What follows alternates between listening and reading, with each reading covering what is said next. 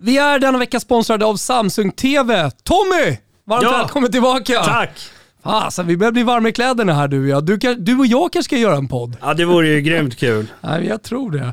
Eh, nu ska vi i alla fall göra lite podd. Vi ska prata om eh, Samsung TV och sådär. Jag börjar få lite pejl på det här med TV nu. Och inför framtida beslut om vilken TV jag ska köpa så kommer jag att kunna välja rätt TV för rätt rum och i och med att jag har en stor familj, även rätt TV för rätt person. Det är många viljor där hemma. Eh, men Samsung har ju verkligen tänkt på allt och alla. Men du, senaste gången du var här så pratade vi om ljud. Ja, Och eh, jag förstår ju att eh, Samsung TV har tänkt till även här. Men eh, ska vi inte fördjupa oss lite i, i det här med ljudet? Har du koll på det också? ja men det tycker jag. Eh, och när vi pratar om ljud då till, till TV så är det ju inte bara TV. Utan den kan strömma upp musik på den och så vidare. Men kan du inte berätta lite vad ni har för olika alternativ? Först har vi ju bra ljud i våra tv-apparater. Men jag skulle säga att ju tunnare tv-apparaterna blir, vilket de är nu, så finns det en fysisk begränsning i hur bra det kan bli. Så att soundbar är ju viktigt för att få den ultimata upplevelsen när du tittar på en film eller tittar på sport, att du får med ljudet. Ja det måste jag verkligen säga. Alltså, jag som ser 35 matcher i veckan. Alltså det är viktigt med ljudet. Man Ja. får inte glömma bort det. Nej, och jag tror att man eh, jämför man när man tittar med och utan, det är då man verkligen förstår att det här är någonting man vill ha i tillägg till en till bra bild. Eh, så att om vi börjar med, jag tror vi nämnde förra gången att vi har en utomhus soundbar som passar bra med The Terrace. Eh, när vi tänker på teknologier och det bästa vi har så kallas ju de Q-soundbar. Och där har vi något som kallas Q-symphony. Jag måste ändå slå ett litet slag för det. För att, Och då får man in en symfoniorkester. ja men typ. Så att eh, köper du en Neo eller har du en Neo hemma, då har du faktiskt... har ju jag. Ja, du har det. Då har du, om du skulle ta ner den från väggen och titta på baksidan, så har du högtalare uppe på bakstycket på tvn. Det, ja. Och om du då sätter en soundbar under, så blir det en helt magisk rymd i, av ljudet i ditt rum. Så, Så att, att- de spelar i synk. Så du använder både tv-ljudet och soundbar-ljudet för att maximera din ljudupplevelse. Och det här är ingenting som är vanligt. Nej, utan ofta så om du går tillbaka lite då, då stängde du av tv-ljudet och körde soundbaren. Just det. Men vi har ju då lyckats att kombinera det här så att du maxar båda. Ja, det var ju smart. Vad hette det sa du? Q-symphony, Q-Symphony. Q-symphony, ja. Det lägger jag verkligen på minnet eh, när jag ska gå och införskaffa mig min eh, Samsung Soundbar. Stort tack då Tommy för att du kom till eh, Toto Balotto idag. Tack så mycket. Stort tack för att ni på Samsung TV är med och möjliggör Toto Balotto.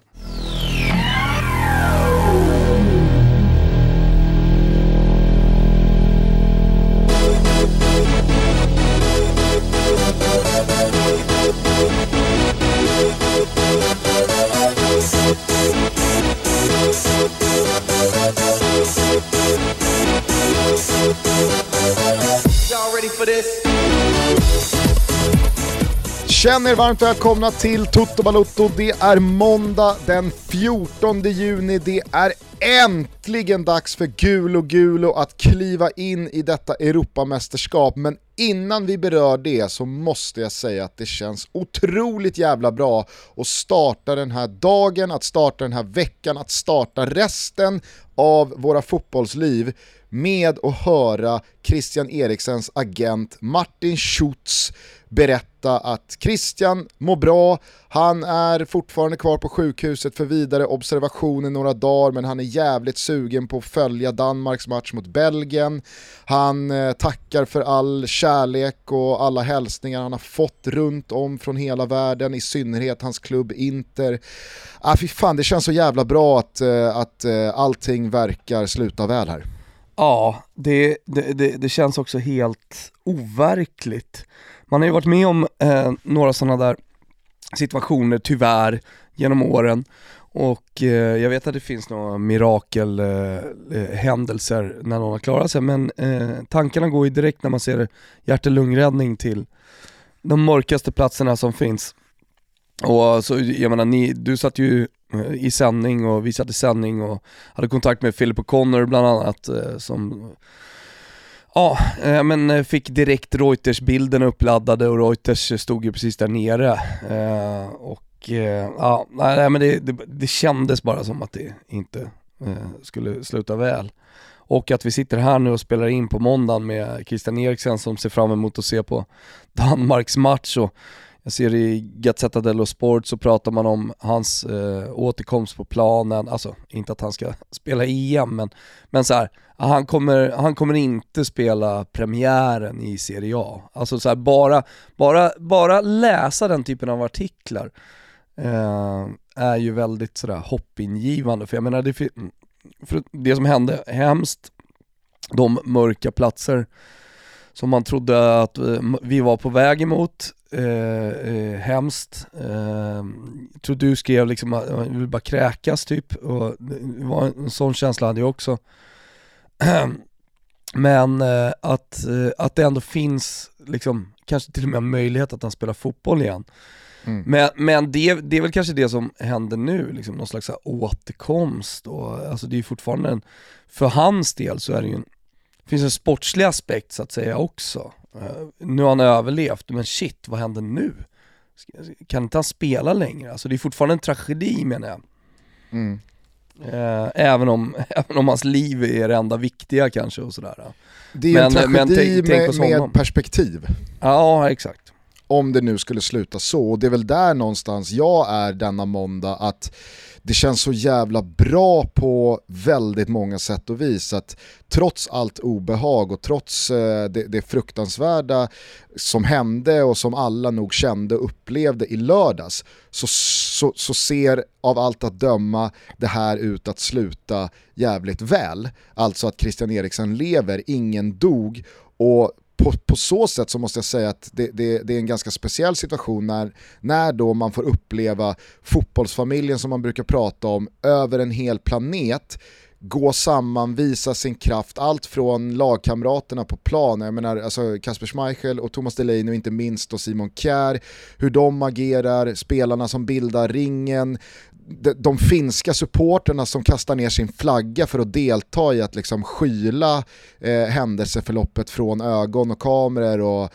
eh, sjukvårdspersonalen som gör ett helt otroligt jobb och nej men att, hur, hur allting bara liksom hur allting är så jävla bra och fint och mäktigt genomfört till alla liksom kondolenser, hälsningar, stöd och det är faktiskt ingen som har dött den här gången. Det är inte en tragedi de facto. Och så ser man allt eh, strömma in i kärleksväg från fotbollsfamiljen efteråt. Utan nu, nu, nu fick det faktiskt ett jävla fint slut också, förhoppningsvis då.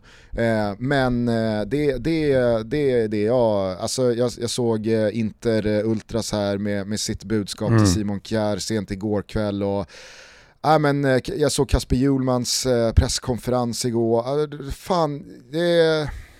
Ja, men... Svenska landslaget står där med sin hälsning, eh, kämpa Christian och mm. all, all, alltså så här, eh, det, det, var väl eh, mm. Stay Strong Christian, eh, Stay Strong Eriksen från spelare som gjorde mål igår och ah, fy fan. Vi pratade, med, och, vi ja. pratade med Jennifer Wegerup, eller vi har pratat med några gånger i EM edition här när, när vi sänder och hon pratade ju om eh, det som hände i Rom när Italien vann och de glädjescenerna som utspelade sig och mm. folk på Piazza del Popolo. Hon pratade ju om eh, livet som kom tillbaka. Eh, hon, hon har ju levt från första dagen i Codogno, när lilla byn i norra Italien som de stängde ner, med lockdownen och hon har liksom krånglat sig från Sverige till Italien, suttit 16 timmar och väntat på något flyg i Paris och eh, sen bott i Italien under lockdownen och uh, hon menar ju på att jag tror, inte, jag tror inte folk som inte har levt i en lockdown kan förstå hur jävla tufft det är och hur många delar av Italien, inte bara Italien, uh, men i hennes perspektiv då, uh, som, som man bor i generationsboenden i små lägenheter och så vidare och så vidare. och när Nessun Dorma med Andrea Bocelli liksom pumpades ut på ett eh, smockat Piazza del Popolo och folk var glada och det var eh, romersk natt liksom. Eh, så, så var det många som, som grät rätt ut, alltså många som grät rätt ut, hon också, och liksom kände livet tillbaka. Eh, och det du beskriver här nu, Christian Eriksson överlevde, livet vann. Eh, och eh, det som nu händer liksom från då fotbollsvärlden och fotbollsfamiljen med, med allt från ultras till, till eh, presskonferenser och, och, vänner som går ut och att alla, alla liksom står ännu starkare nästan efter det som hände i lördags. Mm. Eh, så känner man ju liksom att eh, Erik Niva brukar ju, brukar ju ta perspektivet att fotbollen är så mycket större än bara 11 mot 11. Vet mm. ju alla som lyssnar på det här att det är så. Men fan har det någonsin visat sig efter covid och allt som har hänt nu de här tre första dagarna på EM att, att eh, fotbollen är någonting jävligt, jävligt mycket större. Och ja. kanske en av de viktigaste eh, rörelserna, vad vi ska kalla det för, Äh, Absolut, och jag benämnde det ju som det i sändningen då, när matchen helt overkligt nog återupptogs. Alltså, ja. det, det, det, var ju, det var ett beslut som, som ingen fattade och de första rapporterna från liksom, officiellt håll det var ju att ja, men det här är på spelarnas initiativ. Sen kom det ju senare att Ja, fast det var ju på spelarnas initiativ utifrån det faktum att de fick två valmöjligheter. Antingen spela klart nu eller spela klart söndag 12.00 och att man då väljer att spela klart. Men det är ju det är ett val och ett beslut de inte ska ställas för i det skicket. Fan, det hade gått typ en timme från att en av deras liksom, närmsta vänner eh, håller på att dö. Man, man vet inte om han kommer liksom. klara sig. Ja, exakt, de har stått runt honom och sett honom fått liksom, hjärt och lungräddning i återupplivningsförsök. De spelarna är inte i skick att ta ett rationellt beslut huruvida man ska spela en fotbollsmatch nu eller imorgon klockan 12. Där ska man ju bara gå in och bryta och säga, vet ni, vi, vi, vi tar det här tidigast imorgon. Vi, vi, vad fan, det, det är inte viktigt att spela fotboll nu, nu är det bara liksom gå hem, krama sina närmsta och, och så, och, och, och så liksom låter vi solen gå upp imorgon och se vad fan det är för värld vi vaknar till.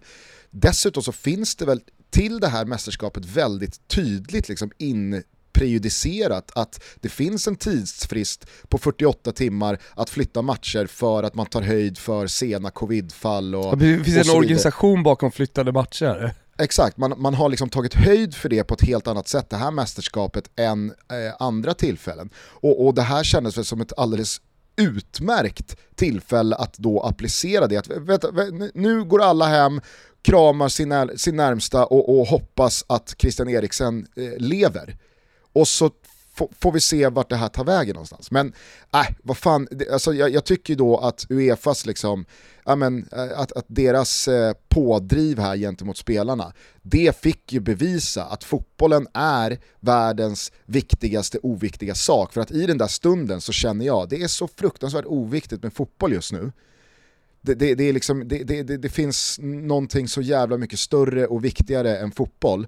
Men att den här jävla matchen måste spelas vidare understryker bara hur viktig fotbollen är. Alltså, och då inte på något positivt sätt, utan det är, det, den, det, är, en, det är en för stor grej.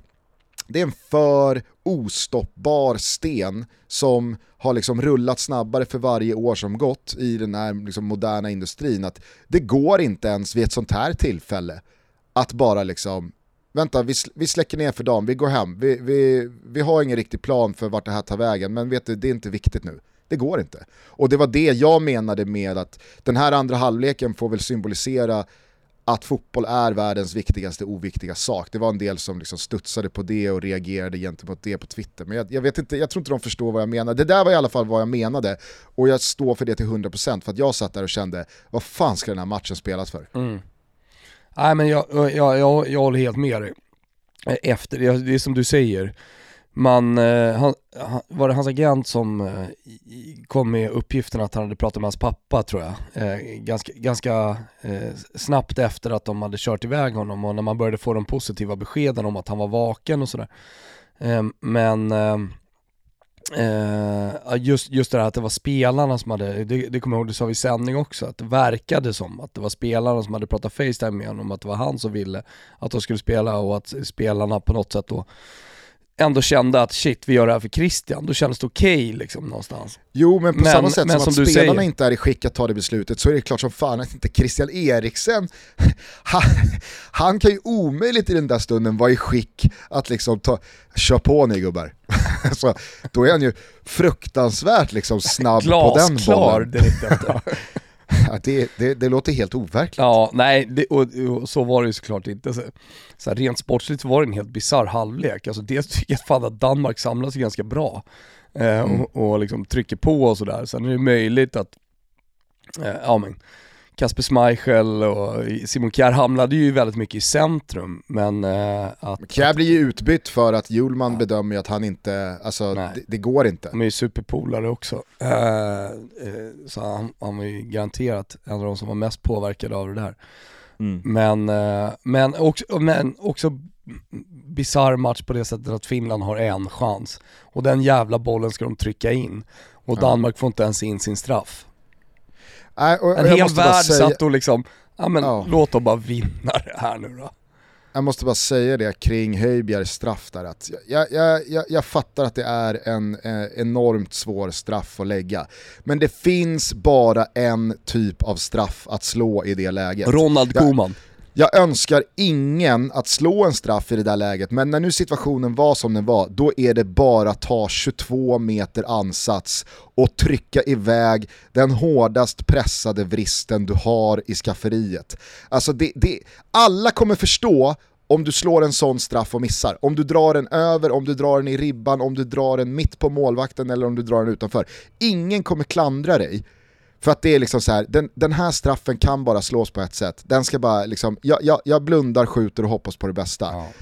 Du- Han, han, kan, han kan inte vara kylig och vänta i det där läget. Nej. Jag satt, jag satt i... i, i Blunda och skjut liksom. Nej, exakt. Mörsa på Ja. allt vad du har här nu Höjbjerg, för fan. Bära eller brista liksom. Bara smäll det där. Men nej, det, det blev ju ett sånt jävla märkligt utfall på matchen. Att en del spelades, att Finland vinner, att de är liksom mästerskapsdebutanter som, som tar tre poäng och gör ju liksom utifrån förutsättningarna. De, de, de behöver ju inte be om ursäkt för sitt sätt att agera. Jag tycker Finland agerar jävligt värdigt kring allting. Pojan Palo, han rycks ju med såklart när han i stunden gör mål, men han fattar ju efter en sekund att Exakt. just det, vänta nu, eh, det, det, det kanske inte är läge här att skrika ut eh, en hel nations eh, historiska fotbollsfrustration i en eufori här. Och jag tycker på slutsignalen, det är inte massa jävla jubel och gå ner på knä och massa vilda kramar utan det är värdigt, det är dämpat, sen när det har gått några minuter då, till, till, då tillåter man sig själv att gå bort mot supportrarna och, och skrika och fira och, och knyta nävarna liksom. Och det tyckte jag var helt rätt och efteråt Pojan Palo i, i, i intervjun pratar ju liksom så jävla respektfullt first things first liksom.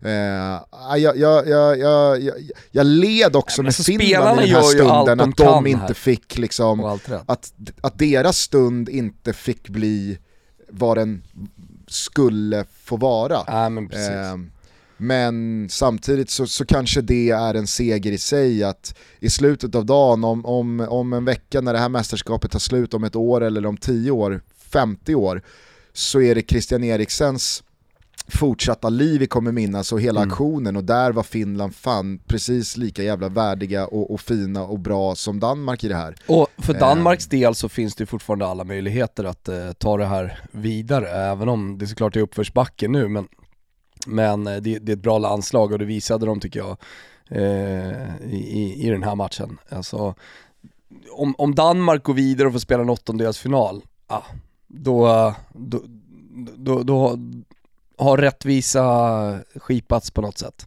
kan jag tycka. Ja.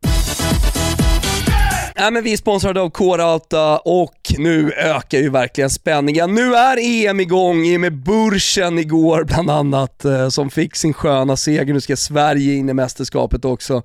Fan vad det är gött. Och hur kan man fira det på ett bättre sätt än en riktigt härlig grillkväll? Jag kan tänka mig att det är många som, som eh, kör grillkväll och är man lite på tå nu idag så kanske man inleder den här dagen genom att utnyttja det exklusiva erbjudandet. Ja men lystring, lystring, vi har inte haft så många med K-Rauta, men nu har vi ett exklusivt erbjudande bara för er i Toto Balutto. Koden TOTOCELLO med C. TotoCello15 ger er 15% på samtliga cellogrillar. Och det gäller från den 11 6 fram till den 11 i 7 så passa på nu. Detta erbjudande gäller om man är, eller om man då blir klubbmedlem i K-Rauta Plus. Det gäller både online och i varuhusen. Cello är K-Rautas, ni som undrar, egna varumärke och erbjuder ett grymt sortiment av både gasol och kolgrillar av högsta kvalitet. Jag har en själv, en gasolgrill Platinum ute på landet som är, äh, men den är grym. Lilla kokplattan bredvid som man kan värma såser. Och jag tror att det är sex brännare, det är jävligt många i alla fall, det är Platinum-modellen.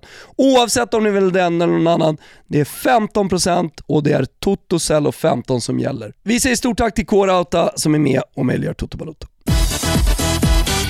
Ja, nej, vi, eh, vi är som sagt oerhört glada att eh, Christian Eriksens tillstånd är vad det är idag måndag. Vi delar ut den största av schnitzlar, kanske den största och mest finkalibrerade schnitzeln i Toto Balottos historia till då det danska laget, till läkarpersonalen men kanske framförallt Simon Kjär. Eh, Eller vad säger du? Ja, eh, alltså nu, nu har väl ingen missat det men om någon har gjort det så eh, blir, får han ju hjältestatus. Jag kan tänka på att han kommer hyllas på, på galer eh, eh framöver här nu. Eh, i, I och med att han då tar eh, en snabb löpning, snabbt ner, kollar tungan, eh, inleder väl också hjärt-lungräddning också. Alltså, Alltså han säkerställer ju luftvägar, ser till det. så att han inte har svalt tungan, han lägger honom i rätt position, inleder hjärtmassage, är det liksom den första med sträckta armar. När eh, Medicals är på plats och han bedömer att nu, nu kan inte jag göra någonting mer fysiskt här, då är han och Delaney med och samlar ihop spelarna för att liksom bilda en eh, fysisk mur runt eh, Christian Eriksen. Han och Kasper Schmeichel får direkt liksom, eh, koll på situationen med Christian Eriksens eh, eh, flickvän, fru eh, och liksom se till så att hon inte är för nära men att hon har tröst, att hon har stöd. Eh, de byter plats, Kasper Schmeichel är framme vid ringen, rapporterar till Kjär som pratar med henne. Ah, fan det, alltså det är så här, den sinnesnärvaron, Mm. den liksom det är, det, det, är, det är otroligt. Och jag, jag, jag, kan, jag kan, jag vet inte hur mycket avslöjande det är, men det har i alla fall inte berättats. Alltså, under den här halvleken, ser du situationen när Pukki eh, liksom uppfattar en situation eh, när en boll hamnar bakom den danska backlinjen och Pukki sätter av och är liksom för en halv sekund fri. Eh, men Kjär vänder och hinner upp honom och sliter så jävla rutinerat lagom i Teemu Pukki när han vänder sig om i löpningen mot det danska Mm. målet eh, och går in och avstyr det här. Och på alla repriser så ser det så här, nej, han, han sliter exakt så mycket som man får göra. Det där är ingen frispark, det där ska inte vara något rött kort, det där är ingen frilägesutvisning eller någonting, utan här är Kjär bara så jävla rutinerad.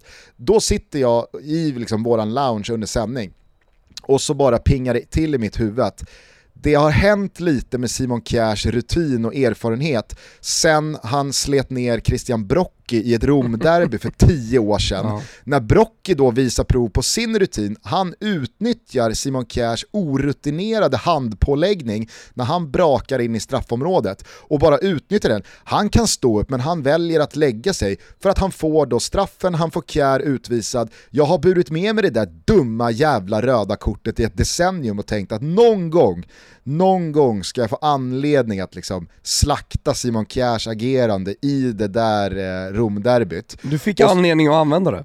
Exakt, för då sitter jag, jag, liksom, jag, jag tar det här med då eh, Olle Junell Lindberg under sändningen, han hittar gamla bilderna i Serie A-arkivet och då ska jag liksom i pausen då påvisa att kolla här vad som har hänt med Simon Kjär. I- Det här är erfarenhet och fotbollsrutin i sin renaste form. Här är för tio år sedan när han är 22, då agerar han så här i ett Romderby och han blir Fem plus utmanövrerad. spaning i första sändningen under EM hade du på gång där. Äh, Verkligen, jag känner att nu jävlar, Mm. nu sätter jag Vad är det ribban för här. start? Alltså som det pirrar i kroppen när du kommer på det där och snackar Ja, men- med Olle, han hittar bilderna. Ja, ja, och jag hade redan fått en bra start under, eh, under eh, Wales mot Schweiz när då Kiefer Moore åker på det röda bandaget efter bara en kvart. och jag och Olle börjar samla bandage vi minns från mästerskapen och vi liksom i paus då, ja ah, men här, den här sommaren ser ut att bli Kiefer Moore för att jag vet inte om du noterade hur det röda bandaget då pressade ut hans öron så han fick Jo. liksom jätteutstående öron. Och då. alltså, jag sitter ju där och ömmar då för att Kiefer Moore, vi kan återkomma till honom, men han gör ju då mästerskapsdebut i er en match åt gången så han vet ju att hela fotbollseuropa sitter och kollar. Alla polare, alla nära och kära sitter och kollar. Man vet hur jävla länge han har laddat och så tar det 14 minuter. Sen åker han på en fet jävla röd badmössa som gör att hans öron står rätt ut. Alltså, man ömmar ju för honom i den situationen och då jagade jag och Olle tag i liksom, men, Fellainis eh, bandage när de har tryckt in en ispåse mellan pannan och bandaget. Eh, Vedran Churlukas, du vet badmössa kommer du ihåg där från fem år sedan. Ja, ja. Eh, en Kroatien-rutiga badmössa. Som, Det var helt otroligt. Ja, men andra klassiska bandage, liksom. då känner jag så här, ja, men det här är bra, här är på uppstuds. Det är så här man gör liksom, en, en rolig minut i halvtidspausen här på, på, på en sån här match. Och sen så hittar jag då liksom så här cash, neddragning, nu ska vi visa det här, jag ska sitta här med Kim Källström och Jimmy Durma som verkligen kan vittna om att en 22-åring blir outplayad i Furbo av Christian Brocchi för tio år sedan. Nu är det, nu är det Simon Kjär som med alla matchers liksom, erfarenhet och av alla de här åren vet exakt hur mycket han kan slita i Teemu Pukki för att vinna en fördel som egentligen är lite oschysst. Men han gör det på rätt sida tröskeln för att domaren omöjligt kan blåsa där. VAR kan inte gå in och säga att det där är otillåtet. Så att det var liksom det, det var det jag laddade bara två minuter innan paus för att nu jävlar ska vi prata om Simon Kjär i den här kontexten och det kommer bli bra, det kommer bli kul. Nu ska jag liksom sätta nivån på minnesbankens förmåga här. Och så bara vänds hela jävla fotbollsvärlden upp och ner och så blir det istället det där. Och jag känner och har känt sedan dess att Simon Kjär är det världens bästa lagkapten genom tiderna. Ja, Mm. Nej men jag, jag, jag förstår det. Det enda jag kan känna lite när du berättar det här nu Gusten, ja. skulle du inte ha sparat till, till nu när vi vet att allting är bra med Christian Eriksen, han lever, han pratar, han ser fram emot att se matchen. Skulle inte det varit inför studion då? Jag kan inte chansa längre, jag vet inte om det någonsin kommer komma ut. Alltså, då får jag väl skicka ut det i Sveriges största fotbollspodd då. Va? Där har ni en jävla 5 plus-spaning. Den är värd att se dagens ljus. Cred också till Olle Junell Lindberg som letade febrilt i Ja. Serie A-arkiv. Alltså det, det ska, alltså så här, även fast jag kunde säga att ja, men det här var höstderbyt 2011, alltså Olle ska fortfarande hitta det i liksom arkivet tio år senare. Hitta, få Men ut alltså det. när, när jag jobbade på TV4, det är ett liv sedan Gusten. Ja, verkligen. Nej, det, nej men fan det var, det var, det, det, det var liksom, det var, det var häftigt hur man liksom 180 grader mässigt kan liksom gå från att i tio års tid ha levt med den där taggen, hornet i sidan gentemot Simon Kjär, till att bara 100% ta honom till sitt hjärta och älska honom. Kan, kan det vara så att jag var, hur slutade den här matchen sa du? Ja men Roma ledde ju med 1-0 och sen så drar Kjär det där röda kortet och så Just det. vänder Lazio och vinner. Frågan om jag inte var på det derbyt. Jag har avskytt Kjär sen dess, fram till, Till i i lördags. lördags, nu älskar du honom. Nu älskar jag honom, förbehållslöst. Ja. Eh, men fan, det om eh, det nordiska derbyt, Christian Eriksen och Danmark-Finland. Eh, jag tänker att innan vi tar tag i då vad som stundar denna måndagskväll med premiären för Sverige mot Spanien, så kör vi bara ett snabbt jävla kronologiskt svep här genom det som skett hittills. Vi börjar i fredags, Italien, oj oj oj, du säger att V-grupp rapporterar om att livet återvände. Andrea Bocelli sjöng in Nessun Dorma. Det var en invigning som till stora delar hyllades jävligt unisont. Mm. Och det var ju Inget en... trams, vet du det Gusten? Ah, det var ju något trams kan jag ändå känna Ah, med, okej. de här, med de här, eh, alltså det, det, var, det var ju liksom green screen eh, ballonger som lyfte från planen. Det, Ah, det, var- okej. det var jättedåligt. Alltså men men en, ändå, om det där hade skett 2003 så hade jag känt, ah, ja men fan, hej det här, det, här känns, det här känns nytt, det här känns men är inte det lite gjort." Italien då? Jo, vi- verkligen. För det roliga med det, det är att de, när de släpper iväg de här ballongerna, strax efter, alltså så här, bara, bara två sekunder senare så byter de kameravinkel och då finns inte ballongerna där. så det var verkligen så här. Det, alltså det var sådana här ballonger, du vet om, om, du, om du skriver grattis på Swish, Eh, eller grattis på Twitter så finns det en funktion att då kan det liksom Just. dyka upp eh, ballonger och fyrverkerier och konfetti. Det, det var den nivån på ballongerna i eh, tekniken som gick ut. Så, så byter de bara kamera, då är inte ballongerna kvar längre. Och då Nej. känner jag bara så här, ja men det är 2021 nu. Det här, det, här, det här var inte jättebra. Men skitsamma, det, var- det var ju en klang och jubelföreställning. Dels för mästerskapet, dels för fotbollen, men framförallt för Italien. Vilken jävla insats. Ja, nej, men en jävla insats och eh, för mig blir det extra känslosamt när det är just premiär i Italien och mitt go-to-VM är VM 90 och Notti Magic. Jag såg att Erik Niva skrev eh, krönika, eh, givetvis eh, fel grammatiskt, eh, not, han skulle skriva Notte Magica, men det blev lite eh, plural och, och grejer som inte stämde, men han har ju rätt. Alltså det, det var en magisk natt och Han har rätt i sak, men grammatiskt har han att slipa på. Gode Niva. grammatiskt, satt ändå och höll lilla tummen att det där gick ut i print. Jag såg att Malena Johansson eh, var, var där liksom. Det är så jävla, det är så jävla liksom, du i din renaste form. Mm. Där och då, liksom, det finns ingenting du hoppas mer på än att Nivas italienska grammatiska fel ska gå i print. Kan jag inte bara få ha det? Nej men man vet ju att det är liksom så här, du älskar ju Niva. Och, Ja. men, men samtidigt parallellt så vet man att alla de här priserna, alla de här hyllningarna, alla de här liksom Erik Niva går på vatten, allt han tar i blir till guld. Liksom allt det kokas ner till att när han, när han, när han trampar fel i den knepiga italienska grammatiken, då väcks någonting till liv i dig. Ja, ja. Alltså jag, jag, satt, jag satt och var lite irriterad på att Malena, eh, alltså DN-journalist, eh, hade varit där och påpekat då eh, det grammatiska eftersom, eftersom då, Då är det möjligt nej, att de hinner nej, ändra låt till det stå. printversionen. Låt det stå. Exakt, låt det bara stå här och sen så tar vi det sen när det står i tidningen så är det för alltid tryckt. Men eh, vad var det jag skulle komma med det? Not the Magica. Att han hade rätt i sak. Ja exakt, han har rätt i sak såklart Erik. Det var en magisk natt. Och eh, det, det fanns ju ytterligare ett perspektiv där, alltså It- Italien som har drabbats eh, kanske hårdast i Europa, i alla fall ett av de länder som har drabbats hårdast i Europa. Eh, med en eh, eh, gammal eh, befolkning, mycket död och alla minns ju bilderna från Bergamo när eh, ja, men utbrottet verkligen var som värst eh, när coronan kom och eh, man fick skicka in militären för att köra likkistor och så vidare. Eh, och, och, och ska man ta det fotbollsmässiga då så, så var man ju också på den, eh, på, på, på en liknande plats efter att man åkte ut mot Sverige i playoffen till VM. Och sen så har man då försökt att resa sig, man har försökt att resa sig tillbaka till livet eh, och, och bekämpa covid, man har fotbollsmässigt försökt att resa sig efter sju svåra år och eh, så stod man där med en jävla monsterprestation efter att alla har sagt att vara försiktiga med turkarna, italienarna också, se, se upp med turkarna, det här är ett bra jävla landslag. Och sen så står man för en fullständig slakt i, i premiären och det är aldrig hotat och det, det är liksom Berardi som jag hyllade inför och som jag tänkte att världen skulle få se nu eh, eh, gör ju en sån där eh, match som, vi har som alla vi som eh, har följt Sassuolo och Berardi liksom vet att han kan stå för och att han har en stor klubb att göra. Så, så här, fan, bra, visa, visa världen här nu vad det är för en ung härlig italiensk generation som är på väg upp.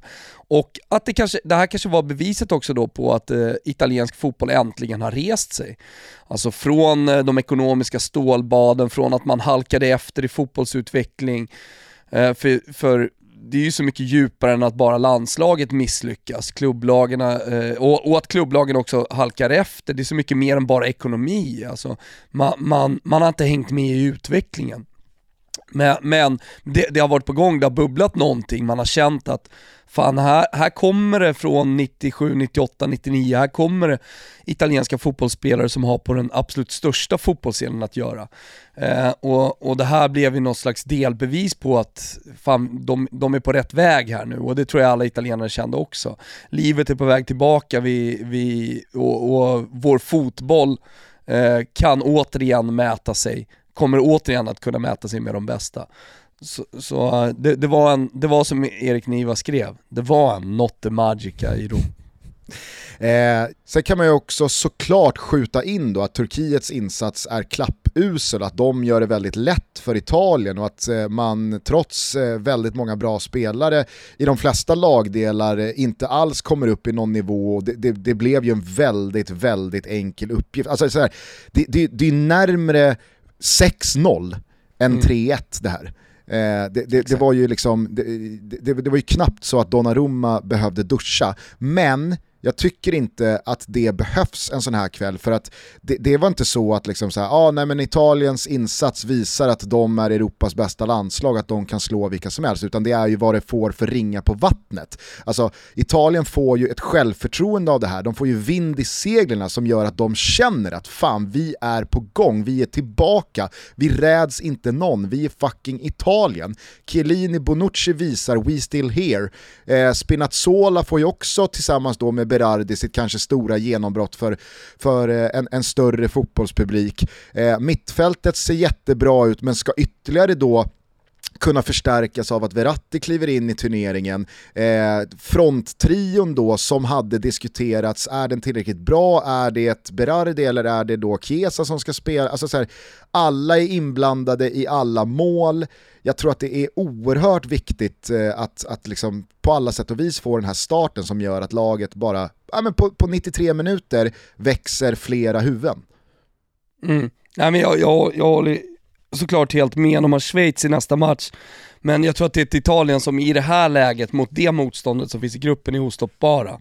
Mm, verkligen.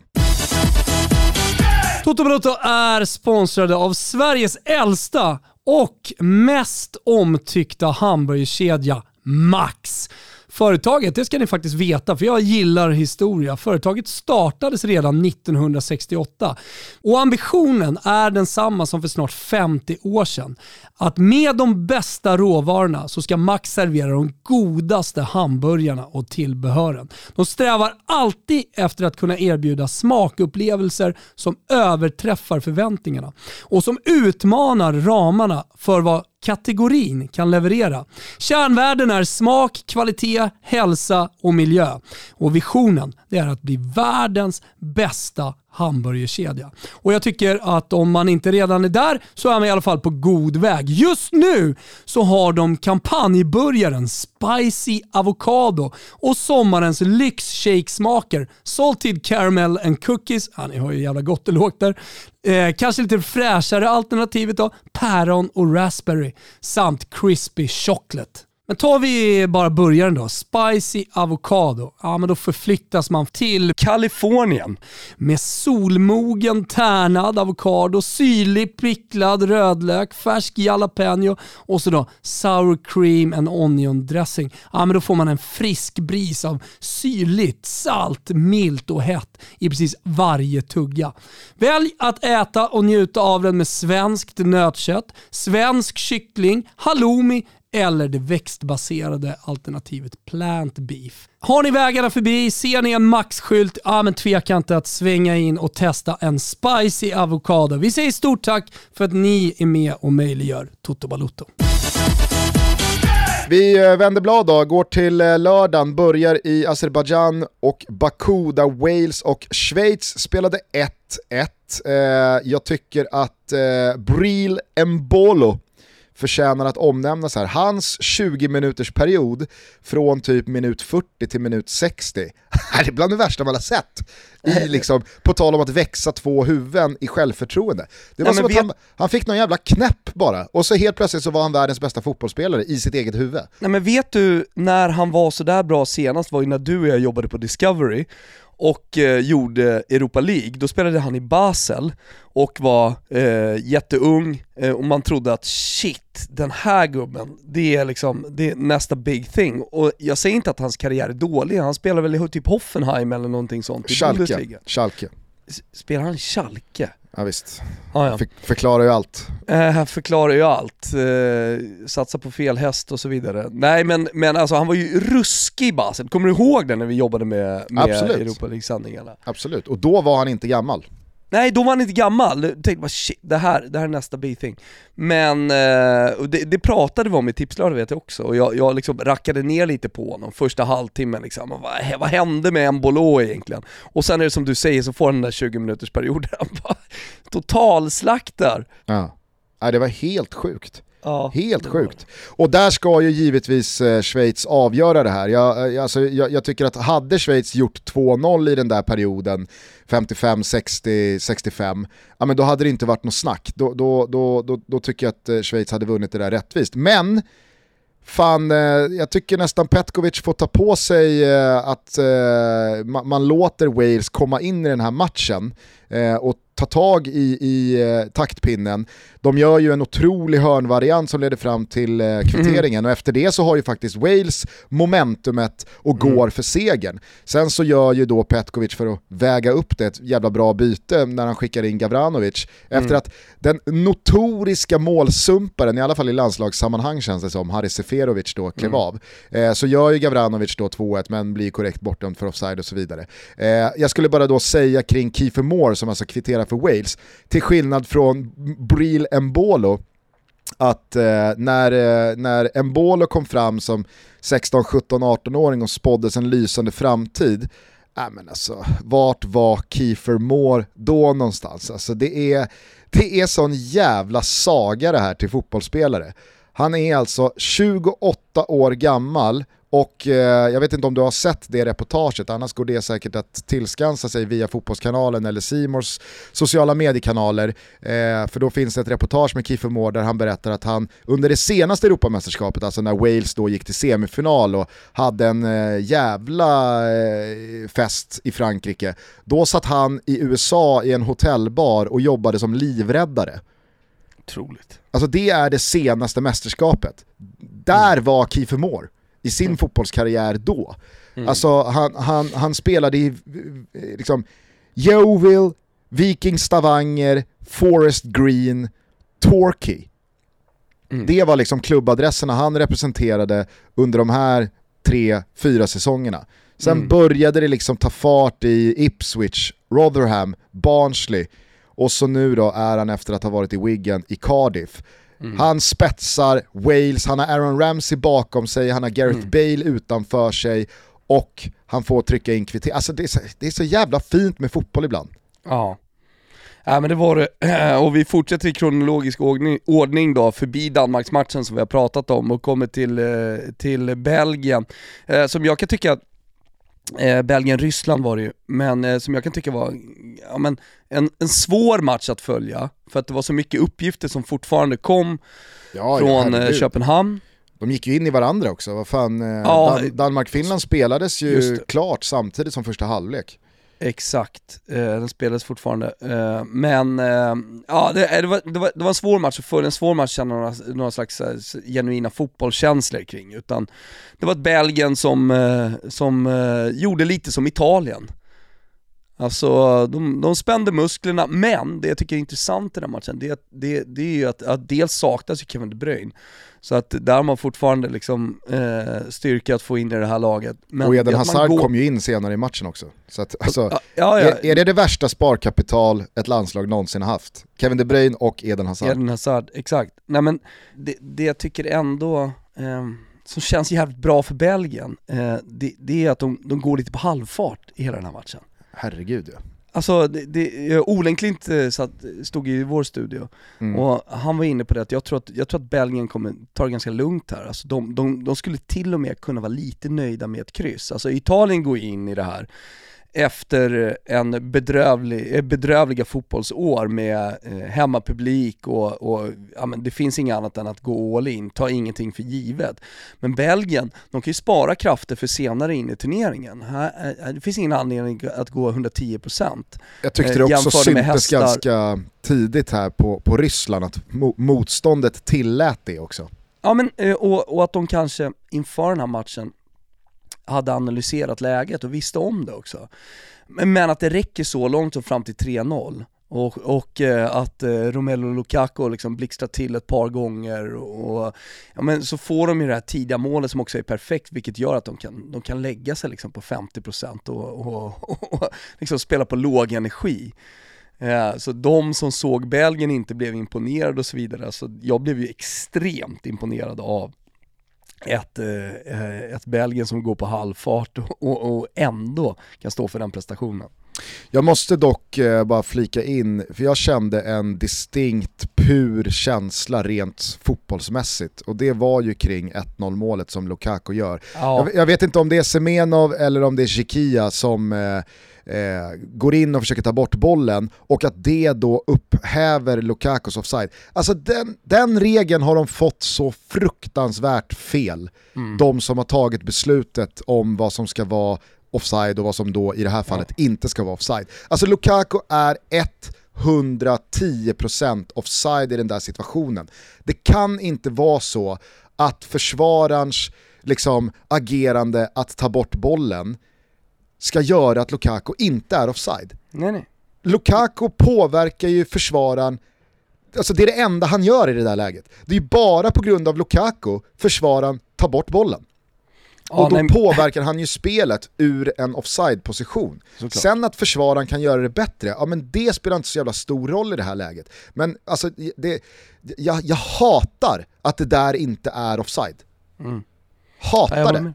De är ju Intensivt. de är ju petar så jävla mycket i reglerna, det känns som att så här, the, the board som eh, eh, bestämmer och med eh, Wenger i spetsen va, för någon slags eh, utveckling av fotbollen. Ja. Eh, de, de, ska ju faktiskt skarpt testa den nya offside-regeln.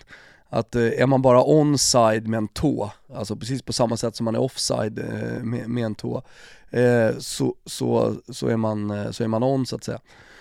Det, det, det, det kommer ju hell- alltså det, det kan ju, det borde ju alla fatta att det, det kommer ju göra om fotbollen så pass mycket att, eh, att, att man nästan får liksom börja om från grunden att skapa försvarsspel. Är du med? Absolut. Alltså du ska helt plötsligt börja agera, det kanske är så att du får rent tekniskt hur du agerar, hur du eh, hur du förhåller dig till, eh, en viktig del av fotbollen hur man förhåller sig till motståndare, medspelare, eget mål, annat mål och så vidare, så positionera sig och så vidare. Allt, ja, hur, hur, om, om man ska pressa, inte pressa.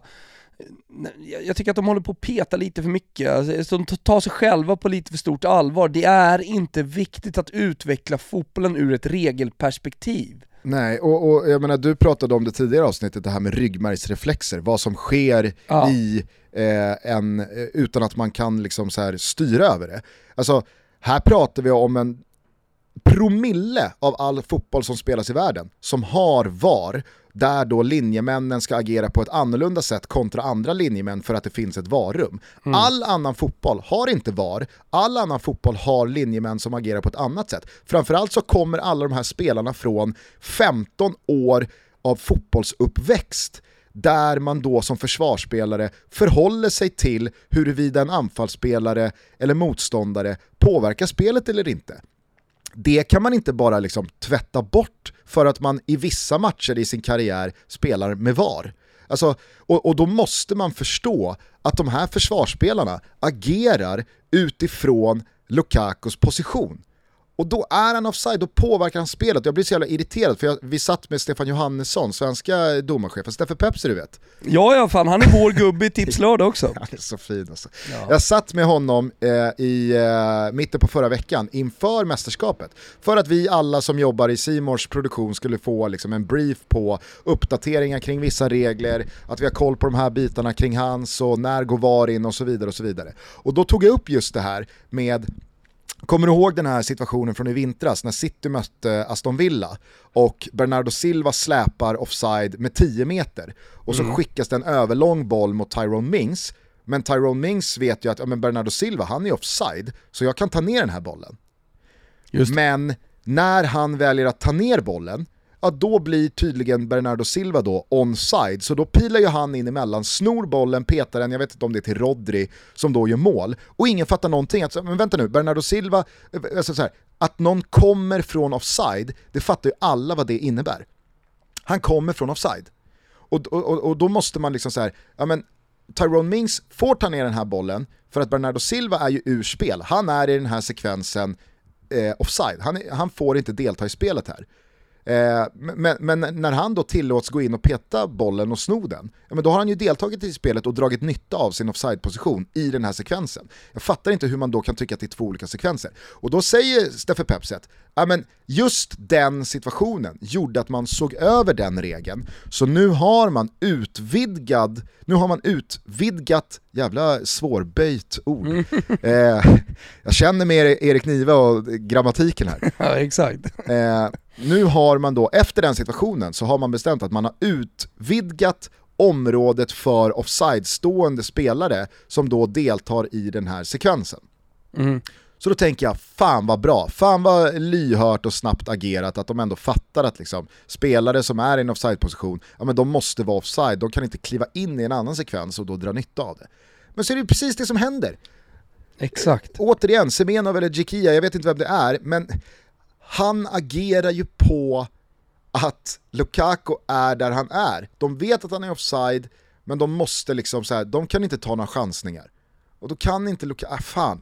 Ah. Men, det, det, det var en petitess, jag är helt med på det att Belgien imponerade som på halvfart gör 3-0 och någonstans redan här har säkrat avancemanget. Eh, med, med Danmarks då liksom torsk mot Finland som det är i resultatraden så ser jag det som högst osannolikt att Belgien gör någonting annat än att vinna den här gruppen nu. Ja, Toto Balotto är sponsrad av Elgiganten. Vi snackar om Sveriges största marknadsledande återförsäljare av hemelektronik som utöver hemelektronik också har ett stort utbud av tjänster som gör att man får hjälp med allt från leverans, montering, installation, support med mera. Och det här kan jag verkligen skriva under på. Jag har en stor TV, jag är usel på att montera TV-apparater på väggarna så jag sa bara det till Elgiganten när jag skaffade min TV att jag behöver hjälp. Ja, men då kom de hem och hjälpte till med installation och montering. Hur smidigt som helst. Det är alltså hemelektronik från ax till limpa på Elgiganten. Just nu har de en kampanj med massor av riktigt bra priser på TV, soundbars, nätverk med mera. Jag skulle vilja säga så här, det Elgiganten gör det är att maxa eller hjälper till i alla fall att maxa sommarens mästerskapsupplevelse på hemmaplan. Vill man ha hemleverans? Inga problem. Vill man hjälp med installation som sagt, optimera bild och ljud och så vidare? Inga problem. Elgiganten från ax till limpa. Gå in i ditt närmaste varuhus eller på elgiganten.se. Vi säger stort tack för att ni är med och möjliggör Toto Balotto. sen Gusten Yes. blev det söndag och då vaknade EM. Kände du det eller? Ja, absolut. Och, och det, det, det, det kändes som att liksom, söndagen blev det lördagen var på väg att bli, skulle ha blivit, om inte allt kring Christian Eriksen hade hänt. Så det var inte så att liksom, vilken jävla pissdag rent sportsligt lördagen var, utan det, alltså, det, det, det blev ju tyvärr bara ett jävla trauma. Ja, men, men igår, Tror du i inte då att många... svallvågen av att Christian Eriksens hjärta fortfarande slår, så levde man upp. Oj, Ja oj, men oj. tror du inte att många liksom kollade tablån, såg Österrike-Nordmakedonien, en match som eh, man kanske hade skrivit en liten svart prick bredvid, att den kan jag faktiskt missa. Är det någon match jag ska missa under mästerskapet så är det den. Men eh, det var en alldeles fantastisk match. Alltså allt som hände igår på fotbollsplanen var ju, alltså, det var en otrolig EM-dag igår. Ja. ja, det måste man säga. Jag tycker dock att liksom det, det, det pratades för lite om det givna läget i Grupp D inför England-Kroatien. Ja men vi tog faktiskt upp din tweet Gusten i våran sändning, jag tyckte att det var jävligt intressant. Du kan väl bara dra den lite kort utan, eller kan man dra den kort? Ja, det kan man dra. Alltså så här, innan den här matchen, när allting, när slutspelsträdet sattes, alltså det man inte vet, det är ju vilka de fyra bästa grupptreorna blir. Det är ju helt omöjligt att veta inför. Men de är ju utifrån den bästa treorna-tabellen utplacerade i slutspelsträdet och vilka som går in i vilken åttondelsfinal och så vidare. Så alla åttondelsfinaler är ju redan satta med att ja, men tvåan i grupp D möter tvåan i grupp E till exempel. Det är redan bestämt. Och då vet man också sen innan att ettan i grupp D möter tvåan i grupp F. Och det är en jävla skillnad för att då vet ju England och Kroatien att ettan i vår grupp kommer möta tvåan i grupp F i en åttondelsfinal. Och med största sannolikhet, Ungern får ursäkta, så kommer det bli Frankrike, Tyskland eller Portugal. Så är det bara. Det vet England och Kroatien innan den här matchen ska spelas. Samtidigt som man vet att kommer vi tvåa i vår grupp, då kommer vi med största sannolikhet få möta Sverige, Polen eller Slovakien. Och skillnaden i det motståndet i en åttondelsfinal, det är ju på pappret alltså, incitament för att faktiskt föredra en andra plats i gruppen. Ja, och här är ju kroaterna betydligt mer cyniska än vad engelsmännen är. Ja, Man kan tycka alltså, att det är så, vilken jävla fin subtil läggning det var från kroaterna igår. Ja, men eh, alltså jag tror att det är förbundskaptenen som säger det efter, att vi gör en, en, den bästa matchen eh, under det här året. Alltså han hyllar sin prestation. Ja, ja, ja. Och det tycker jag på något sätt späd på det du skrev. Alltså när jag, när jag läste det så kände jag bara, aha, okej, han är slug fortsatt här. Han, eh, han vet att det finns så jävla mycket mer att ta av det här laget. Eh, så, så att eh, jag, jag skriver under på det 100% och England, jag menar de kan ju inte göra det. De spelar inför hemmapublik på fucking Wembley. De måste ju gå in med full jävla energi och skita i vilka de möter i åttondelsfinal, eller skita i ett sånt scenario. Sen kan man ju tycka att det är ett högt spel att spela, jag menar tänk om Kroatien inte skulle gå vidare. Absolut. Eller, eller vilka får de möta om de kommer trea i gruppen? Ettan i... Ja, det vet man inte. Nej. Alltså, för det, det handlar om om man blir bästa, näst bästa, tredje Ja, bästa du eller ser. fjärde bästa trea. Ja, exakt. Så det går inte. Men ändå, det är så här, lite högt spel, det är ett kroatiskt landslag som inte har varit jättebra under 2021, och det, det var lite tufft under 2020 också. Eh, Men det är också att- Skottland och Tjeckien. Ja, exakt.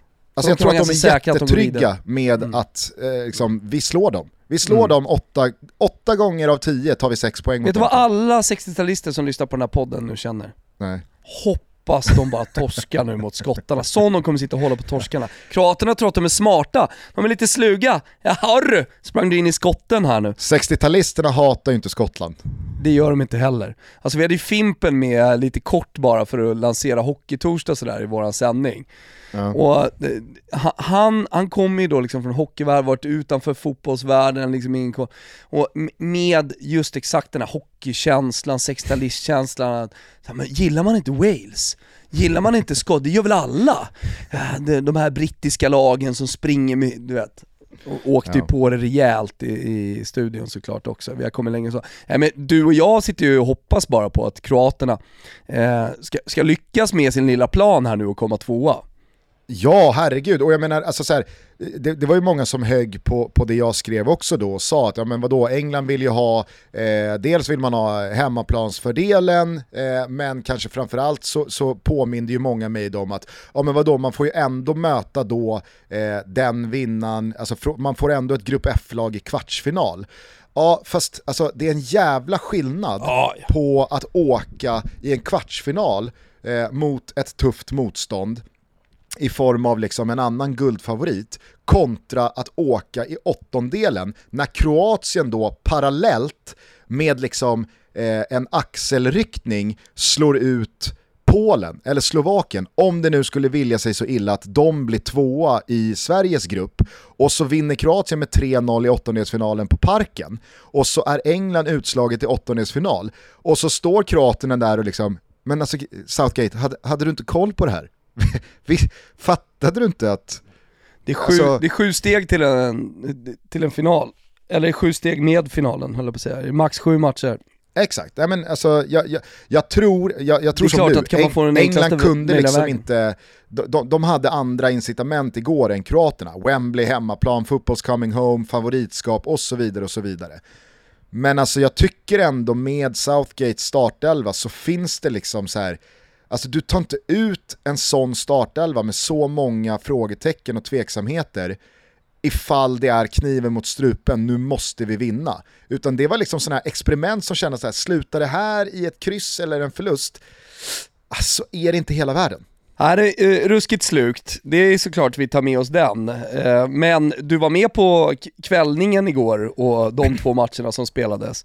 Absolut, men fan, jag, jag, vill bara eh, liksom, eh, återigen understryka det du lyfter här, för jag hade missat det, att då Dalic den kroatiska förbundskaptenen, hyllar insatsen på presskonferensen. Det är så jävla geni, alltså det är så genialiskt! Ja, men det, det, det är på något sätt UT Moody-nationen som såklart fattar vad det är som håller på att hända här, vad och som pågår. fintar upp, och fintar upp liksom konspirationsteoretikerna på läktaren. ja, Jaha, exakt. han var nöjd. Han var nöjd. Då han tyckte de gjorde en bra match. Ah, okej, ja, men då kanske de inte är bättre än så. Fy fan! Vi är ett fåtal som fattar. Ja. Dalic, vilken jävla Ja, han har räv! järnkoll. Han har järnkoll. Ja, nej, men, Nej, men- eh, till eh, Burschen då. Ja, nej men eh, då vaknade ju EM, alltså gruppspelets tråkigaste match och så vidare och så vidare, ingen kände någonting. Då kliver Burschen och Nordmakedonien ut och det bara sprakar om fotbollen och det smäller i näten och det är ja, men fart och det är härligt och det är folk på läktaren och det kändes verkligen som att det var EM. Och det kan jag väl tycka att det kanske var första matchen där man verkligen kände liksom den, den EM-pulsen, två länder som man inte bryr sig om, för de matcherna kommer ju alltid under, under alla mästerskap. Ja men jag kollar på den där matchen, vad fan bryr jag mig om Österrike-Nordmakedonien kanske många tänker. Och så får man, alltså så, så är det fotbollen på något sätt som hamnar i centrum. Eh, för för så, så fantastisk är ju ändå den här sporten att man, man kan ju kolla på ett lag med vita tröjor och ett lag med svarta tröjor och så har man inga känslor för dem inför men man får under matchen, man får favoritspelare. Och, och det, det hände ju i, Österrike-matchen, man älskar ju Sabitzer mer och mer för varje dag man ser honom. Du kan ju bara be Gusten att Roma köper honom. Det- Sånt jävla reapris. Det hade 15 varit miljoner. något. Vad sa du? Det hade varit något. Ja men äh, det är, det är, en, så, det är en så otrolig spelare. Eh, och så Goran Pandev och Elmas och gäng, alltså Nordmakedonien är ju faktiskt, eh, pratade med Sonnert inför och speltips och så vidare, alltså han trodde ju att det var ett Nordmakedonien som skulle stå i eget straffområde och sen försöka eh, ställa om lite som Finland mot Danmark eh, och trodde på ja, men ganska få mål medan jag då var inne med eh, på att det redan från början skulle bli långa lag och bölja och bli eh, chansrikt. Och det var ju faktiskt det som hände. Eh, det, det Ja, men var... kändes som man, kände man sig inte lite trygg i eh, att liksom, Nordmakedonien vet att när vi nu väl är här i ett mästerskap, inte fan ska vi stå med en köttmur runt straffområdet. Nu går vi för Ja, det lite, så, lite så faktiskt, lite hybris och sådär. Eh, och så är det så jävla fint att Pandev fick göra mål också, en här mästerskap. Alltså, han har ju förtjänat ett mästerskap under sin långa karriär, varit så bra.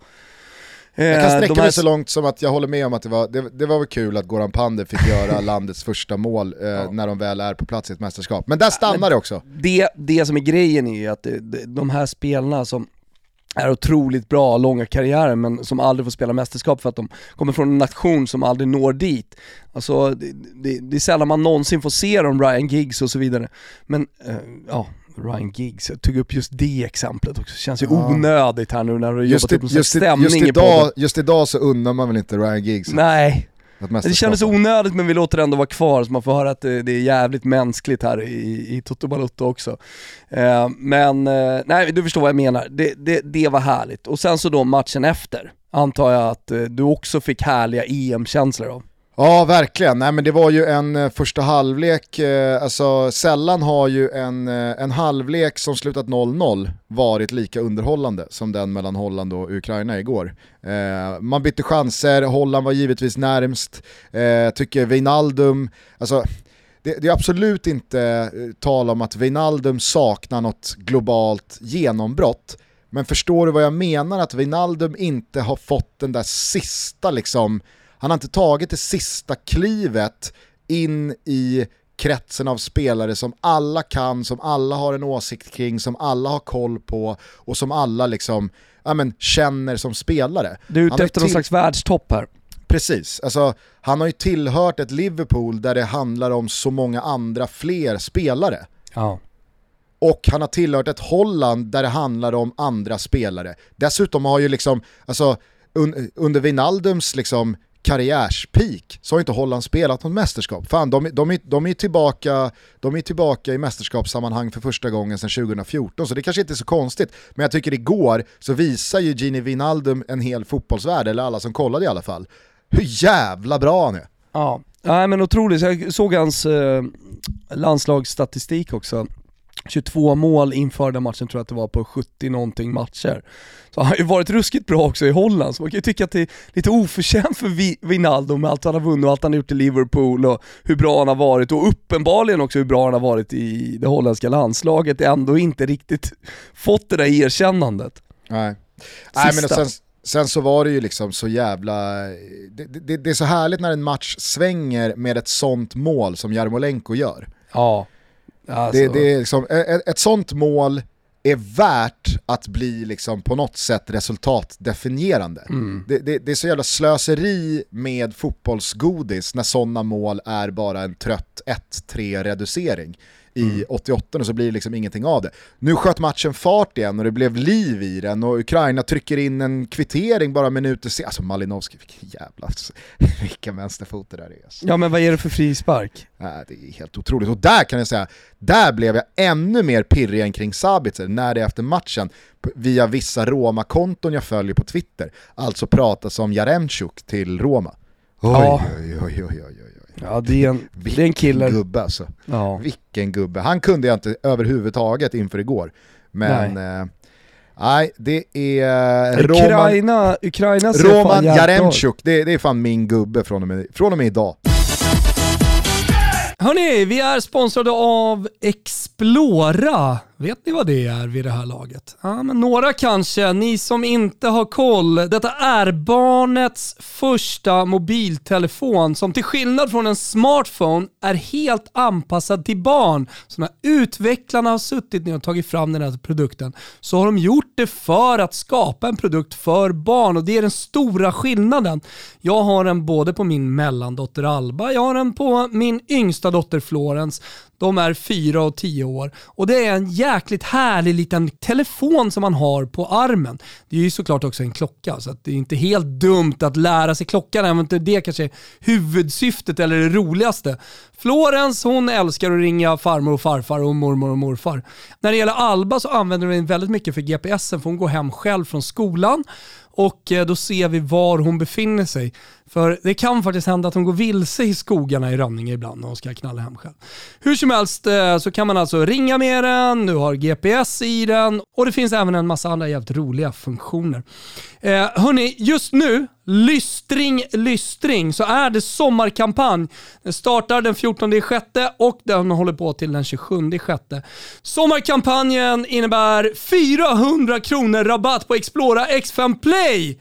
Passa på och köp den nu. Där erbjudandet finns på Elgiganten, Kjell Company och Jolly Room. Så Explora X5 Play 400 kronor rabatt. Det här är en dundergrej för barnen. Ni hittar erbjudandet hos Explora, Elgiganten, Kjell Company och Jolly Room. Vi säger stort tack för att ni är med och möjliggör Toto Balotto.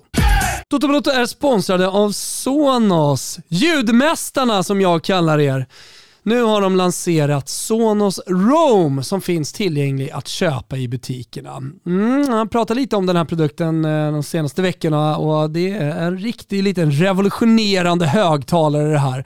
Den är vattentät ner till en meter och upp till 30 minuter. Så man kan, ja, jag vet inte hur många kan eh, hålla andan i 30 minuter. Det är väldigt få.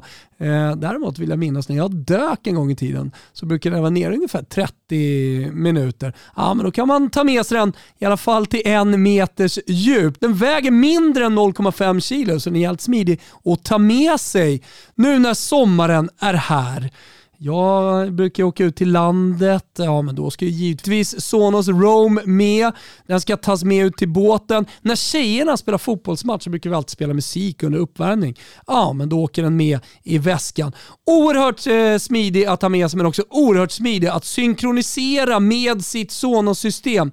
Det är väldigt enkelt för det är Sonos, eh, ni som har Sonos vet vad jag pratar om, ni som inte har Sonos, ni kanske inte riktigt fattar. Nej men det är nämligen så att man behöver bara en strömkälla. Man behöver en wifi-anslutning och så behöver man Sonos-appen för att installera ett totalt system hemma. Eh, men med den här då, så behöver man bara addera den så blir ljudet ännu kraftfullare. Sonos Roam heter denna revolutionerande nyhet från Sonos. Se till att skaffa den. Vill ni veta mer? Ja, men då går ni in på sonos.com och läser mer. Vi säger stort tack till er för att ni är med och möjliggör Toto Balotto. Ja vad härligt, så eh, nu på måndag morgonen så kan vi konstatera att eh, Christian Eriksen lever, eh, han vill förstå, vi hoppas att han kan komma tillbaka till och med och spela fotboll igen, vi håller tummarna. Och vi kan också konstatera att EM verkligen är igång. Det sprakade till igår, man fick känslor för det här mästerskapet, nu jävlar kör vi. Och så blickar man lite framåt idag och vet att det är dags! Det är det svenska landslaget Gusten, gul och gul och ska ut. Hur känner du? Så är det. Spanien-Sverige 21.00 ikväll från Sevilla. Eh, det var väl Aftonbladet, eller var det Fotboll Direkt, eller var det Expressen? Jag, jag vet inte riktigt. Det var rörigt igår, eh, vilka som nu var först med rapporten om eh, startelvan. Eh, Aftonbladet får den credden då här i Toto Balotto, men alla drog ju på det, Expressen, Fotbollskanalen och så vidare. Ja men Flink och gubbarna har ju någon, eh, någon, någon, någon jävligt bra länk in i landslaget. Men det är alltid någon som har någon bra länk i alla lag. Ska vi ge Flink lite upprättelse för Oh, Billborn ja. eller? Oh ja! Nu ska, nu ska han fan få den upprättelsen han förtjänar. Nu är inte eh, Andreas Alm så jävla pratglad va? Nej det är han inte. Eller? Nej, jag vet inte, har, har, har Almen kallat till presskonferens och Nej, det har det inte gjort. ta, tagit flinken i örat? Nej. Nej. Nej. Nej, vi snackar ju såklart om Billborn och att eh, han var han var ute med uppgiften att han skulle få sparken alldeles oavsett hur det gick i cupfinalen. Hammarby vann, de blev cupmästare med Billborn, men nu har han fått sparken. Exakt. Ja. Eh, jag, får se om vi återkommer till det i, i eh, avsnittets absoluta slutskede så blir det en sån här tränarcirkus-epilog igen. Det vore något. Men, eh, ja, men startelvan som bekräftades igår eh, av Aftonbladet i alla fall, eh, vi får se om Janne bekräftar den ikväll klockan 20.00, är ju då att eh, Ludvig Augustinsson går in och tar vänsterbacksplatsen från Pierre Bengtsson, att det, eh, och det vet vi till 100% säkert, att det blir Sebastian Larsson eh, ute till höger. Här, vi vet till 100% säkerhet att Sebastian Larsson kommer spela i och med att han satt på presskonferensen som lagkapten. Ja. Han kan ju dock kliva in centralt om det nu är så att Albin inte kan spela eh, och så blir det väl då eh, Viktor Claesson ute till höger. Men enligt Aftonbladet så spelar Albin, vilket gör att det är Sebastian Larsson till höger och på topp så är det Alexander Isak och Marcus Berg. Vad är din magkänsla så här med eh, 11 timmar till avspark? Nej men den är god, det är den faktiskt. Är det bara jag som känner seger? Ja, nej, men alltså jag tycker i alla fall att vi, vi ska gå för om matchbilden blir som så. Eh, Men, men, jag, men jag känner stort hopp inför här, eh, den här matchen, jag känner väldigt starkt för det här landslaget. Jag vet att vi kommer stå för en gedigen prestation. Mm. Och det någonstans i tryggheten, när Sverige står för gedigna prestationer, ja då brukar det också leda till eh, eh, bra resultat. Jag har haft lite otur mot Spanien också, det, ska, det är lite revanschlust det här. Ja. Kom ihåg det, det där jävla kvitteringsmålet och, ja men det finns lite skit från eh, matcherna mot Spanien, det finns lite revansch att utkräva mot eh, eh, de, de, de här jävla spanjackerna. Och det är Yes. fan dags idag känner jag, att det, det, det är dags att utkräva den där revanschen.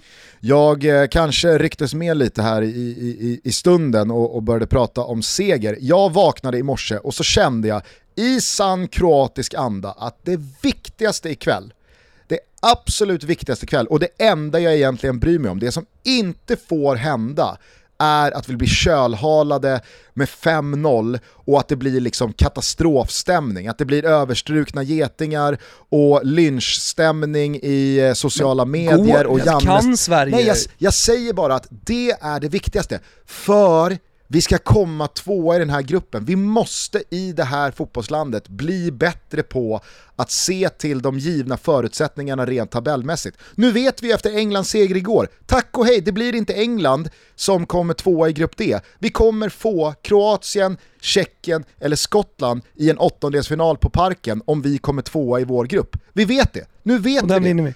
Och, exakt, och den kommer vi att vinna. Jag är helt övertygad om det. Därför så måste vi alla som lyssnar på det här förstå att det enda som inte får ske här ikväll, det är att vi åker på en sån jävla käftsmäll att vi kommer in i Slovakien-matchen som ett sargat lag som inte vet hur vi ska vinna den matchen. Ja, men får jag kalibrera din tanke lite? Uh, och liksom, ska vi komma in då i nästa omgång med gott självförtroende, med uh, optimism runt laget och så vidare eh, och kanske inte ta saker och ting för givet så pass mycket som Kroatien gör, eh, så kanske vi ska spela kryss idag Gusten.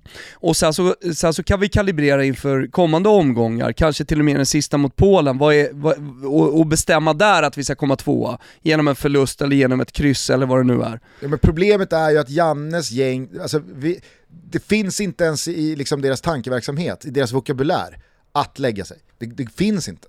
Nej, det är klart det inte finns, men Hur eh, många det, gånger det, det inte finns en Tre- 94% i prestationer, det finns en 100% i pre- prestation. Hur från- många gånger har man liksom inte parallellt följt Tre Kronor slå Schweiz i en betydelselös sista omgång Jo, i hockey-VM när förutsättningarna varit så här: torska så får ni typ Litauen Jaha. i åttondelsfinal. Eller så, om ni vinner så får ni Ryssland. Tre Kronor går ut och gör en gedigen jävla helgjuten insats, mosar Schweiz med tre puckar och sen så åker vi mot Ryssland direkt. Ja. Det, är så, det, är, så- det är Sverige i ett nötskal. Det är, ett, Ja. det är Sverige i ett nötskal. Ja. Så att jag menar, så här, jag kommer också jubla ikväll om Sverige vinner eller om Sverige gör mål eller om Sverige kryssar. Självklart. Men jag vet att sex poäng mot Slovakien och Polen, det räcker till en andra plats och det är precis den vi ska ha. Men din känsla då? Är det det vi gör?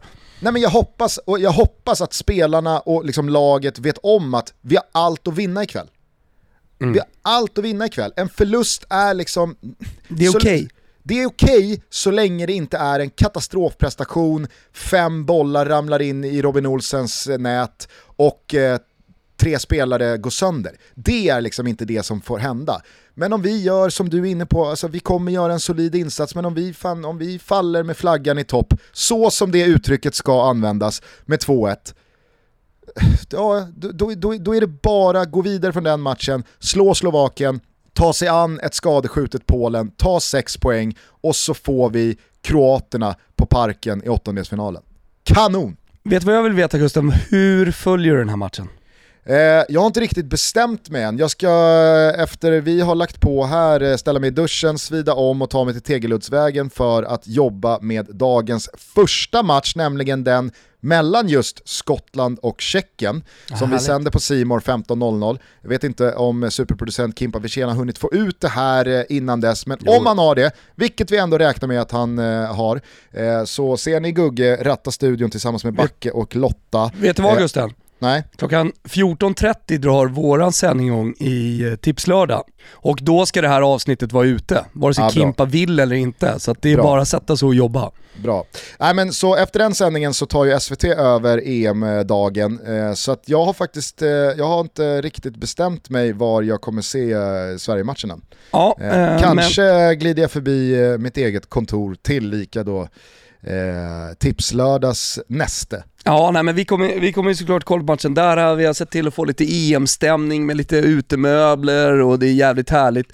Och jag skulle vilja, jag skulle vilja liksom, eh, eftersom det här avsnittet kommer komma ut till lunch, jag vet om det, jag har sagt det till Kimpa, eh, så eh, skulle jag vilja att folk skickar in eh, förslag på platser vi kan skicka Jesper till. Mm. Eh, Vår inslagschef eh, som eh, kommer att befinna sig någonstans i Sverige. Han har bil så han kan även åka långt. Så har ni något superhäng så skicka förslag, hashtag tipslördag eller hashtag totobalotto vad ni nu vill. Bara informationen når oss. Och så har vi lilla tävlingen Shoota till Vitamin Well som kommer att åka ut med kyld dryck och eh, ja men vi, vi får hoppa in i våran sändning. Så har ni förslag på vart Jesper ska och var vi ska skicka, skicka tjejerna från Vitamin Well så, så hör, av er, eh, hör av er på ett eller annat sätt. Använd hashtag eh, tipslördag eller om ni vill köra Toto Balotto. Eh, så, så kommer vi ut till er. Vi vill se hur stämningen är i vårt avlånga land. Ja men fan vad roligt. Eh, och som sagt, jag hoppas verkligen att allt att vinna mentaliteten präglar Sveriges premiär idag. Det har varit en stökig uppladdningsvecka med covidfallen. Alltså, vi sa ju här för någon vecka sedan att man led med Dejan Kulusevski. Nu har ju det svängt över till 100% lidelse ihop med Mattias Svanberg.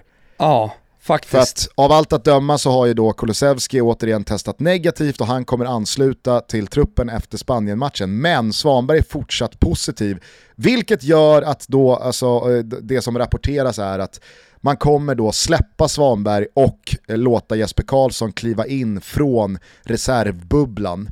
Eh, och alltså, jag, jag, jag, kan inte, jag kan inte föreställa mig hur Mattias Svanberg, som kanske inte hade startat någon match eller blivit eh, avgörande Han hade ju kommit för in, han är ju första men mittfältare han- att komma in. Exakt, han hade fått spela. Han hade Ja. fått speltid i det här mästerskapet som Dessutom tycker jag att det är ett sportsligt tapp också att eh, Ja, Svanberg ja, inte är ja, ja. med för att han är, han är en central mittfältare som gör poäng i Bologna och som jag tycker har visat framfötterna i landslaget, han är på gång och han ger en annan typ av spel, en annan dimension till, till vårt lag när han kommer in.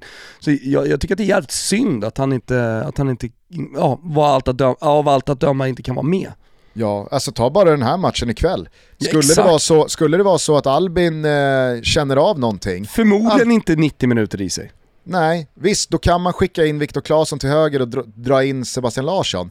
Men högst troligt är väl att Gustav Svensson är, är, är första gubbe in på, på ett centralt mittfält. Mm. Det hade ju såklart varit Mattias Svanberg. Så att, nej, jag, jag, jag fy fan. Och det, som- Ah, det som händer, folk som undrar varför byter man inte rakt mot en central mittfältare? Ja men, eh, man kastar ju bara om hierarkin. Ja. Eh, så att Jesper Karlsson blir gubbe 26 och sen flyttar man fram Gustav Svensson och, och så vidare och så vidare, eller hur? Ja, och jag tror att liksom Sebastian Larsson blir mer av ett centralt mittfältsalternativ. Dejan Kulusevski blir mer av ett centralt mittfältsalternativ. Eh, så att det, där, där, där, där finns det ju täckning. Men Ja. fan, vi, vi, vi tänker på dig Svanberg, om du hör det här. Det gör vi. Det gör vi Eh, verkligen. Det är, fy fan, det, det är bara... Vet du, Ja, vet du vad jag också jag kände helt starkt nu? Gustav, jag kände helt starkt att vi inte ska prata om någon tränarkarusell. Vi måste bara gå ut där i, i någon slags här härlig svensk eh, skön känsla inför kvällen. Är du, inte, är du inte lite sugen bara på att kommentera Milos Milojevic och att Nej. Bayern presenterar honom 23.00 en söndag? Vi hade Niklas Niemi med i studion igår i, i EM edition och han, han ville såklart prata om det, pratade alldeles för länge om det och man märkte att folk blev irriterade i chatten och sånt där liksom. Bara, Sluta prata om det där. Så nej, vet du vad? Han får vänta till den allsvenska åter, återstarten. Det finns all tid i världen att prata om, eh, om allsvenskan vad det lider. Men just idag är det fucking gul och gul och nu är det blanka skallen som ska ut och knoppa in 1-0 till Sverige i Blanka 27 pälsen! Ja, ja! Du, jag måste fan bara kontrollfråga. Alltså jag har ju i hela mitt liv, sen jag hörde den här ramsan för första gången, trott att liksom det man svarar är jojo, som i syrijojo. Nej, alltså för mig Men- är ja, ja. Exakt, men här nu de senaste veckorna så har, så har liksom min värld vänts upp och ner när jag då har liksom börjat landa i verkligheten att okej, folk svarar ja, ja. Mm. Nej, men, Men, jag har alltid liksom trott att det är liksom jojo som en hyllning till då syrianerna för att det är liksom en Tälje kebab-ramsa. Nej men alltså det är väl snarare dialektalt då från eh, de goda Södertäljesyrianerna som det låter som jojo. Och sen så lite blackface återigen då, liksom hålla på och härma det. Det är väl det. Sorry. Ja, ja, ja, ja, då ber jag om ursäkt för att jag i alla år har liksom, jag har stämt i med jojo. Ja. Nej det, Eh, det kan du Men sluta det, med. det är ja, ja alltså. Ja, ja. jag fattar. Eh, blanka pälsen, eh, starka såsen, Kina-degen, mål på hörna, våran mackan. Det kanske är ikväll eh, den allra bästa starten av samtliga lag sker. Kroatien har den hittills. Belgien, Mm. Italien, Finland får ursäkta. Det är kroaterna som har startat det här mästerskapet på absolut bästa sätt. Kanske är det gul och gul och efter ikväll. Vill också bara påminna om att imorgon så rullar ju grupp F igång. Eh, Gugge öppnar simor studion 20.00 med Frankrike, Tyskland. Oj. Vilken, Gåshud. vilken jävla kväll det blir då. Ja det blir en jävla kväll. jävlar. Eh, och sen eh, också innan vi slutar Gusten så så vill jag bara, bara sådär eh, eh, glänsa lite. Ligger tvåa i resultattipset.se, vårt stora, stora EM-tips som vi gör tillsammans med Betsson. Och äh, men jag går som tåget där. Påminner också om att det finns en trestegsraket på Betsson.com eh, som ni kan gå in och rygga. finns en godbitar boostade odds. Eh, gör det eh, och fortsätt eh, följ våra speltips under det här mästerskapet. Jag har fått en flygande start. Tänk dock på att ni måste vara 18 år fyllda och att stödlinjen.se finns om ni har problem med spel. Men, vet, men jag, Gustav- har, jag har fått sån jävla stolpe ut-start eh, på, Ja, jag satt allt. på resultattipset. Ja, men, lys, lyssna på det här. Jag har 2-0 till Italien. Mm. Jag har eh, 4-1 till Belgien och inte 3-0. Jag har 2-1 till England, inte 1-0. Mm. Jag har 2-1 till Österrike. När Arnautovic ska gå in och göra 3-1. Jag har 2-1 till Holland. Mm. Så att det är liksom så här, jag är där, jag samlar mina poäng, men jag drar inte de här spikarna med sex poäng. Ja men det är för proffsen va? Eh, Att kliva in och ha fingertoppskänslan och gå hela vägen och sätta sexpoängarna. Jag hade ju till och med 1-0 eh, Finland och sen precis innan, eftersom man kan ändra resultat precis in, fram till matchstart, så gick jag in och ändrade till 1-1, men Danmark får ändå med sig. Så får de där straffen. Alltså jag har en sexpoängare på gång i den här matchen. Alltså, alltså jag har ruskig feeling så här långt. Ruskig Os, feeling. osmakligt att du alltså i det läget av den matchen står och jobbar ditt 1-1. Ja, det, det- det måste jag säga. Jag, jag är inte bättre än så Gustav. Det är, det, det är där jag är i, mänskligt värde. En hel fotbollsvärld är mentalt på Rikshospitalet. Ja, Förutom Wilbur José. ja. Ha- Han är i resultattipset. Ja, ja. Gnuggar 1-1. såklart. såklart. Ja, jag Ja, är inte större än så. Hörru du, jag tycker att vi avslutar med Markoolios andra ja, ja. mästerskapsmästerverk. För nu är det så att det finns bara ett jävla recept här ikväll. Det är inget snack, det är framåt attack. Nu ska bollen in i mål. ja, det ska den. Glöm inte bort att jag och min Jan också finns på Spotify nu som låt, så den kan du också ladda upp med idag. Hoppas att ni får en fantastisk dag alla där ute. Hoppas att vi ses i Tipslördag, kolla på Gugge klockan 15.00. Nu tar vi det här mästerskapet Gustav, nu sparkar vi igång det. Yes, vi hörs om några dagar igen. Ciao tutti! Ciao tutti!